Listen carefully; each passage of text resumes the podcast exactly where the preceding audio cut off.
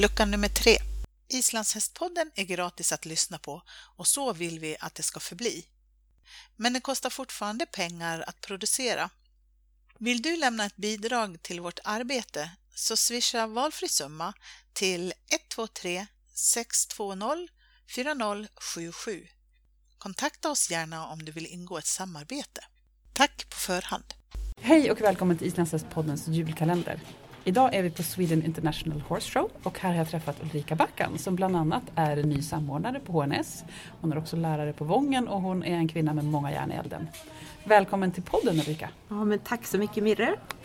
Vad kul att du kommer hit och vi får prata lite med dig för du är ju också tävlingsryttare, har bland annat vunnit tölten på Geidinga SM i somras. Mm, stämmer. Men eh, vi vill ju veta lite mer om dig. Hur kom det sig att du började med hästar överhuvudtaget? Oj, jag skulle nog säga att jag alltid har varit så sjukt intresserad av hästar. Verkligen. Jag tittade i något fotoalbum häromdagen och då är jag så här fyra år och eh, vi är i Norge och fiskar med familjen. Min familj tyckte jättemycket om att fiska. Eh, och eh, alla sitter i en båt och sen finns det bara kort på mig där jag eh, står utanför ett stängsel där det är en hage full med fjordingar. Så det var nog lite så det var att det fanns liksom inget val. Ja. Tänker jag. jag har inget särskilt hästintresse i min familj men det har alltid varit eh, väldigt starkt. Dragen till hästarna? Ja. Men hur kom det sig att du började, hur kom du i kontakt med hästarna på riktigt från början? Eh, jag är uppvuxen i Kiruna och eh, åkte mycket slalom när jag var liten och Kiruna är ju en vinterstad såklart framförallt men också en väldigt eh, stad där man har främjat ungdomsidrott måste jag säga och man hade tidigt en väldigt fin ridskola. Mm. Så jag började rida där på den ridskolan när jag var sex eller sju. Ja. Och sen när jag var 14 då flyttade det upp en familj som startade turridning med islandshästar. Okej. Och då började jag där och då blev jag fast för det. Ja. Och sen dess eh, har det varit islandshästar och lite travhästar emellanåt också, Ja. men mest islandshästar. Ja. Mm. Men berätta om det, du började på ridskolan med islandshästar, eller på turridningen. Ja. ja. Hur utvecklades islandshästintresset? Ja, det blev ju enormt. Sen var det väl så här att det var ganska svårt att slå sig in så att säga på, på ridklubben. Där var jag ju typ så här, skötare nummer sju på Sunny Boy. Och fick väl liksom inte riktigt helt utlopp för mitt hästintresse. Och eh, däremot på den här eh, turridningsanläggningen, där var ju jag en av de äldsta som kunde mest. Okej. Så jag fick ju rida väldigt mycket och hade turer och började hålla lite undervisning så här väldigt tidigt och fick liksom ja, jag tror att, att det var nog på sätt och vis kanske räddningen för mitt intresse att jag fick så mycket feedback där och fick så mycket möjligheter att vara med hästarna. Mm. Mm. Så det var ju i Kiruna när du var i tonåren då? Ja, precis. Vad hände sen? Eh, sen var det så att jag har en moster som eh, hade häst och hon hade då travhästar. Ja. Eh, kallblodstravare. Mm. Eh, och eh, jag hjälpte henne jättemycket med det på somrarna och Mm. var mycket hos henne och min mormor i Boden. Mm. Eh, och sökte då också, på den tiden så fanns ju inte de här hästinriktningarna vid, vid eh, naturbruksgymnasierna. Mm. Utan ville man gå gymnasiet med häst och utbilda sig så fanns det inte så många alternativ. Det var Strömsholm Mm. med ridhäst. Sen fanns det ett travgymnasium i Örebro, Kvinnersta. Och sen fanns det ett hästgymnasium i Hudiksvall. Okej. Eh, och dit flyttade jag Jaha. såklart. Ja. Ja, till mina föräldrars stora förtvivlan. Jaha. 110 mil. Ja, Mm.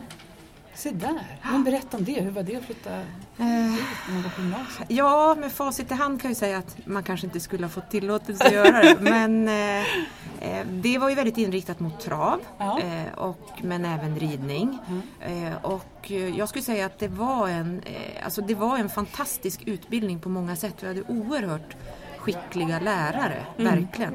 Eh, och vi var ju också mycket ute eh, på praktik som det hette då. Varje fredag var vi på travbanan och på ridskolan. Okej. Och sen hade vi ganska långa perioder med praktik. Ja. Då man var hos en travtränare eller jag var också hos något islandshäststall och så. Men, och, och efter det så började jag jobba med travhästar och var i, Hudiksvall då och jobbade på Hagmyren. Ja. Mm. Okej. Du nämnde att du var i något islandshäststall, men hur såg din islandshästintresse ut där under gymnasiet? Fick du, hade du kontakt med jag islandshästar? hade, ja, det hade jag hela tiden och var med och startade upp hoppföreningen i Hälsingland då, Ja, som heter Gnyfari. okej. Eh, och eh, sen så hade jag lite foderhästar och eh, våren 92 då när jag tog studenten då åkte jag till Island Ja, och köpte min första egna islandshäst. okej. Ja, oerhört billigt Ja. eh, av eh, orsaker som sen visade sig då, Ja, ja. såklart. Eh, och han åkte båt över sen då. Ja, just det. Så sen hade jag honom då. Ja. Mm. Han var faktiskt efter Sval, gamla Svalur från Kleisterberg. Okej. Ja. Ja. Han slängde av mig hela tiden och sprang iväg sen och gick inte att fånga. Åh shit. Mm. Ja. Ja, riktigt bra köp. Ja, Ja, verkligen. Så där. Ja. Nu så vet jag att du arbetar med hästarna. Ja. Men har du alltid gjort det? Eh, ja, det måste jag ju säga att jag har gjort mer eller mindre. Det har jag. Eh, sen har jag ju pluggat parallellt då. Ja, berätta om det. Eh, ja, eh, först så gick jag gymnasiet då såklart och min ambition har ju alltid varit egentligen att jag skulle bli veterinär. Okej. Så efter att jag hade gått gymnasiet klart så läste jag in all behörighet Ja. för att söka till veterinärhögskolan på komvux och jobbade parallellt då med travhästar. Okej.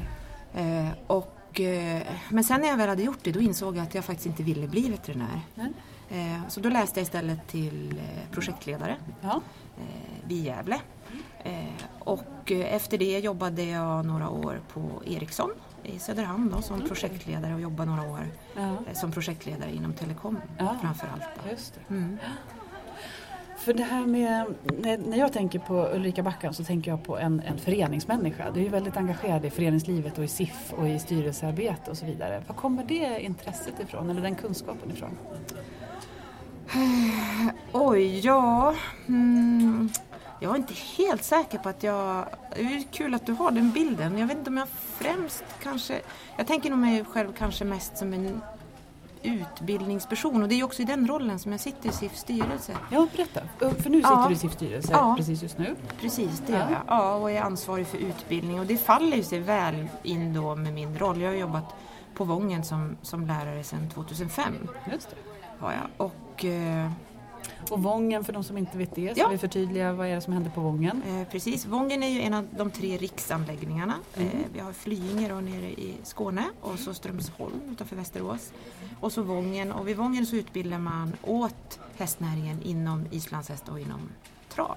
Just gör man. Så att vi har utbildningar både på gymnasienivå, folkhögskola, eh, en yrkeshögskoleutbildning har vi nu också, brukshäst Mm. såklart. Eh, Brukshästcentrat ligger i Mm. Vången nu också.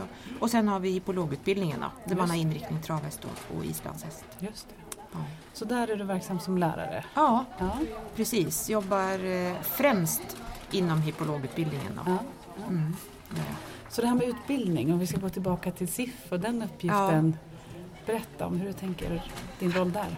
Ja, jag tänker att nu är jag jättetacksam att eh, vi har fått en ny fantastisk ordförande som tar över då eh, efter förra fantastiska ordföranden Louise Lindberg. Så nu kommer eh, Charlotta Lidberg in. Eh, och Charlotta är, var, har ju då gått hippologutbildningen och är examinerad. Hon var den första med i den första årskullen som gick och eh, har även tagit en masters eh, vid SLU.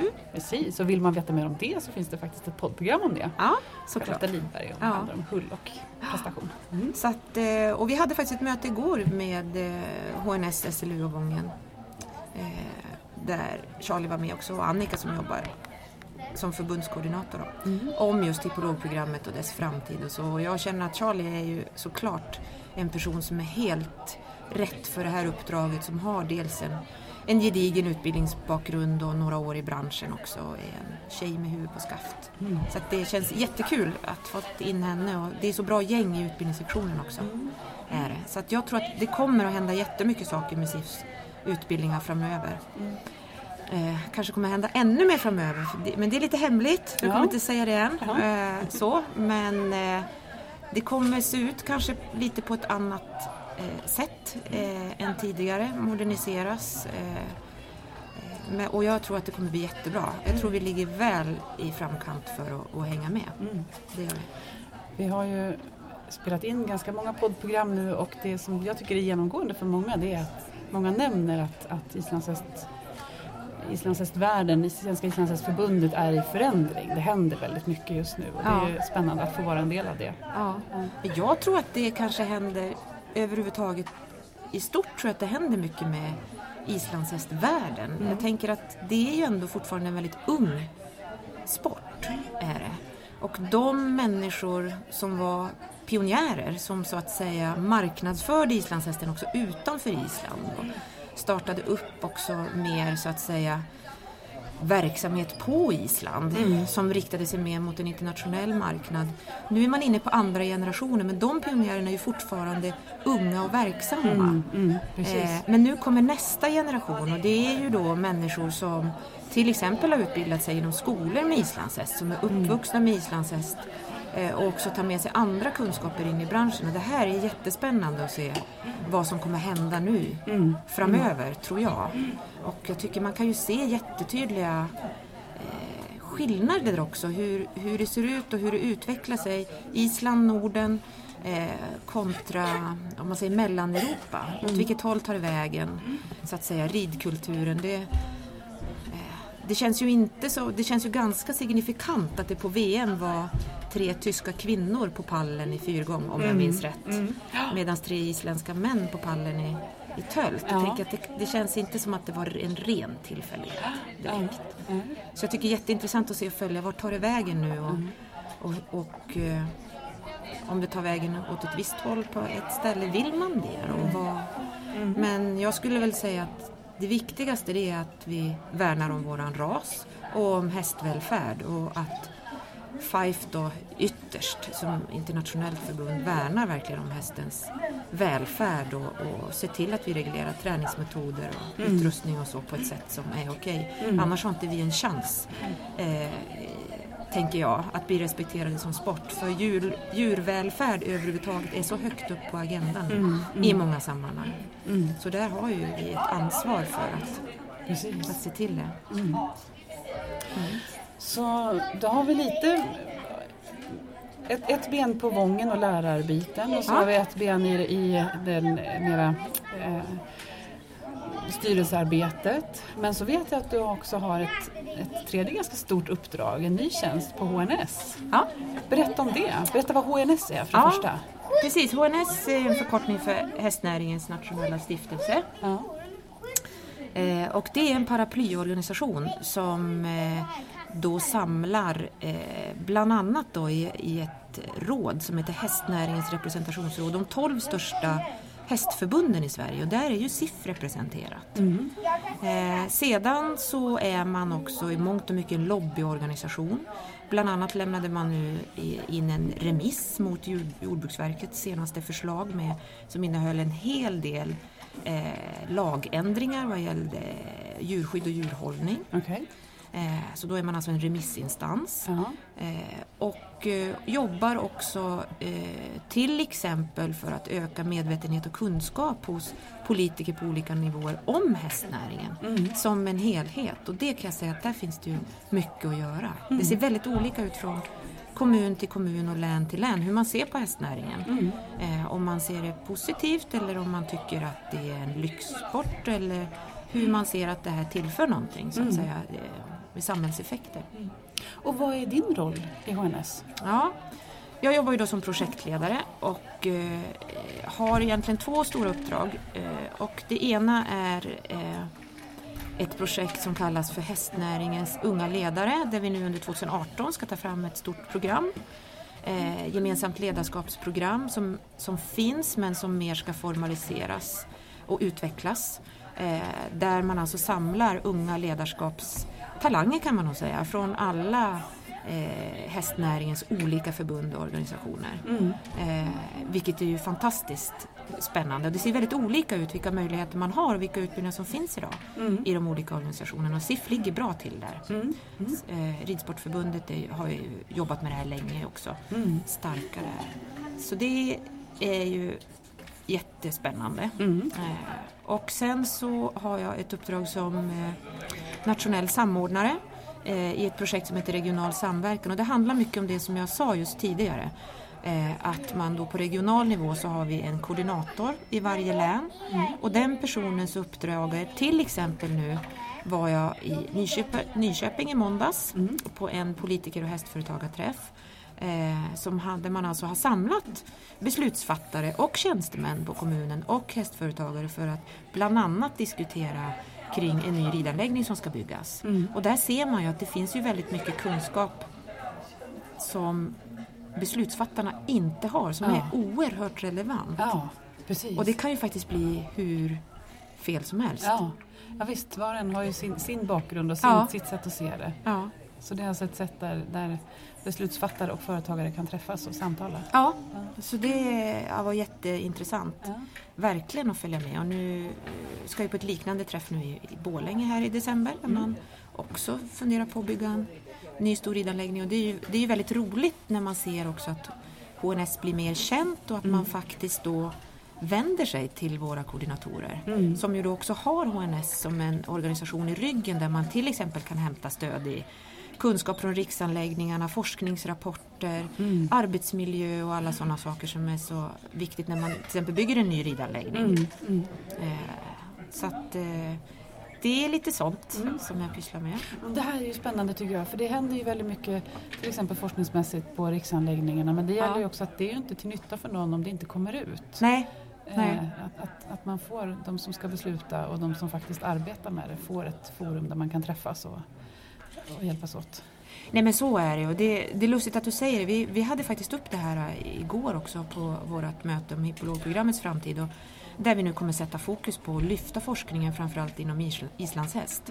Och lyfta det med, med, med Vången och hippologprogrammet inriktning islandshäst som, som ett nav och som en länk. Eh, tidigare har det ju mest skett forskning liksom inom veterinärmedicinska området, till exempel på spatt och, och sommareksem. Men nu finns det ju så otroligt mycket ny spännande forsk- forskning. Det har precis släppts en artikel nu eh, om temperament på islandshäst. Okej. Eh, hur det korrelerar ryttarnas bedömning, ägarnas bedömning kontra eh, bedömningen för spirit vid avelsbedömning. Ah, gud vad spännande. Ja men eller hur? Ja. Och sånt tänker jag att, precis som du säger nu, att, att det är ju också jätteintressant. För en, men det gäller ju också, alla har ju inte nära till, forskning måste ju vara tillgänglig för, att, för att få genomslagskraft. Och där tänker jag att, eh, att Vången i blåprogrammet kan verkligen göra skillnad där. Mm. Att vi kan liksom synliggöra vad som händer, för det här är ju sånt som väldigt många är intresserade av. Mm, mm. Precis, det diskuteras Det- så mycket. Ja, diskuteras Stämmer. jättemycket. Så Ja. det, Och så det är lite grann om din, ditt yrkeshästande. Men, men, så nu är det heltid med de här olika benen i hästvärlden då? Eller gör du någonting annat just nu? Åh, ja, alltså jag tränar ju lite hästar då såklart. Eh, men tränar ju inte så mycket åt andra. Nej. Jag har ju egna hästar. Eh, Hinner du rida på dem? Absolut, Ja, det ja. gör jag. Jag jobbar ju mycket hemifrån. Ja. Eh, är på Vången varannan vecka, Ja. två, tre dagar och undervisar. Sen är det mycket undervisning hemifrån. Men, men det är ju väldigt effektivt att arbeta hemifrån och det, det funkar inte om inte jag får rida. Ja. Så det känns bra tycker Ja. jag. Ja. Och så undervisar jag lite grann också. Men det är ganska fullt upp med de här uppdragen. Det, ja. Men det är ändå så att du har kunnat hålla igång en tävlingshäst. Och i somras så blev det en mästerskapstitel. Ja. Ja, Berätta. Ja, nej men eh, det var ju fantastiskt roligt. Och eh, jag tycker väl att han egentligen har gjort en bra säsong. Och han det är? Eh, han heter Nautrap Fradallanti Ja. och det är en valack som är, han är 18 år nu. ja. Eh, och jag har ju haft honom i, gud jag måste tänka, det måste vara fem år nu. ja. Och han var ju väldigt välmeriterad när jag köpte honom men var ju inte helt igång heller utan var, kom igång mer efter en skada och eh, eh, jag lärde känna honom, jag jobbade eh, och var mycket på Dallande under de här åren från 2010 till 2013. Mm. Och en väldigt god vän till mig, Fredrik Sandberg, jobbade då på Dallande och då jobbade jag för honom en sommar när han var ledig och, hade kul. Och så var jag och, jobbade där och lärde känna Nautrappn och, och åkte med honom när han åkte och simmade och när han Ja. var på spa och lite sådär. Eh, och sen fick jag ett erbjudande om att köpa honom. Ja. Eh, och eh, det gjorde jag. Det är väl inte det smartaste man har gjort kanske men just då kändes det som en bra idé. Ja. Eh, och eh, ja, det har varit ganska tuffa år. Eh, ändå tycker jag. Första säsongen så var vi tolva på SM. Mm. Och då kände man att det här blir bra. Då hade jag inte haft honom så länge. Eh, och sen hände en del saker som var väldigt jobbigt personligt. Min mamma blev sjuk och gick bort och då är det inte så lätt att elitsatsa. Eh, och sen så kom den nya domaranledningen och han var ju en typisk sån häst då som, som eh, var lätt att eh, sänka poängen på med den nya domaranledningen. Eh, och då var det var några år där med då jag tyckte att vad ska jag göra nu? Mm. Men eh, det går ju inte att, bara lägga sig ner och in, Lägga ner? nej, och lägga ner. Nej, utan då måste man ju bara ja, göra och, och liksom bevisa att man kan göra om. Ja. Och det har inte varit så lätt med en, med en häst men det var så pass gammal och, och ja, ett ganska, en ganska bestämd karaktär. Ja.